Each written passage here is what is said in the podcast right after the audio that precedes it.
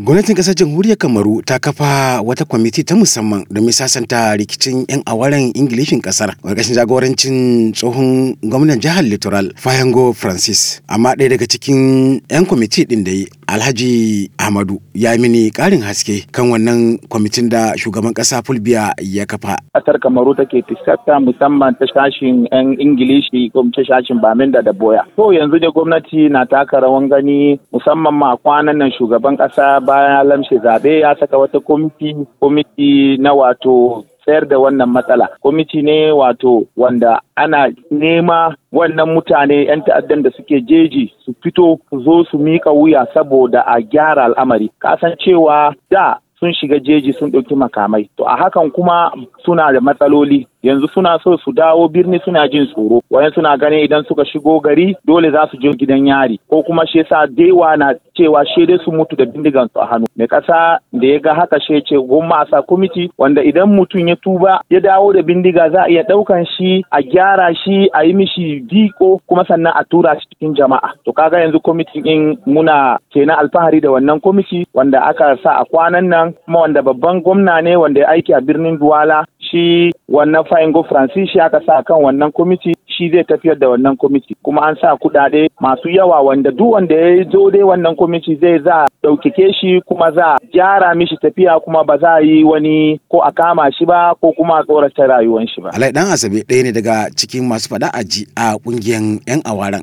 Kwanan nan wannan shi shugaban ƙasa waye ya yi kiritin wani kwamiti wanda su ne za su je su sa mutane su wato su 'yan ta'adda su aje makamai.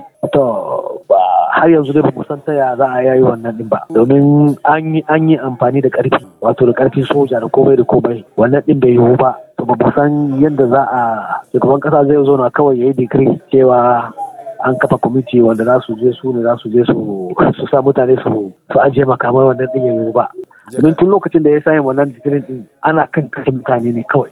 To kuma abin da mutane ba suka zauna suka yi nazari cewa wato su manyan-manyan ƙososhin gwamnati ba sa so shi abin nan ya kare da yasa domin ba kuɗin wasa gwamnati take fitarwa ba akan gani cewa wato an an kwatar da wannan tazoma da ya tashi tun yau shekara biyu da yan kai. A wannan kan haka ne abu ya taɓarɓare gaskiya kan domin ko da su yan uwan ku yan jaridu kuka tabo su kuka za su gaya muku abin da yake wuce gaskiya. Domin akwai ma wato wani abin nan da aka yi aka nuna cewa kuɗin da aka kashe kawai daga 2016 da abin da ya so har zuwa yanzu ya fi ƙarfin miliyar dubu kuma babu abin da ya sanja to ina wayannan kuɗaɗen suke tafiya? Wayannan su ne suke tafiya da wannan su ne aka ba su wannan kuɗi din don su kwantar da wannan tarzoman din ba su suka saya su kai da kuɗin din domin ba abin da ya sanja gaskiya. Muhammad Awal Garba muryar Amurka da ƙasar Kamaru.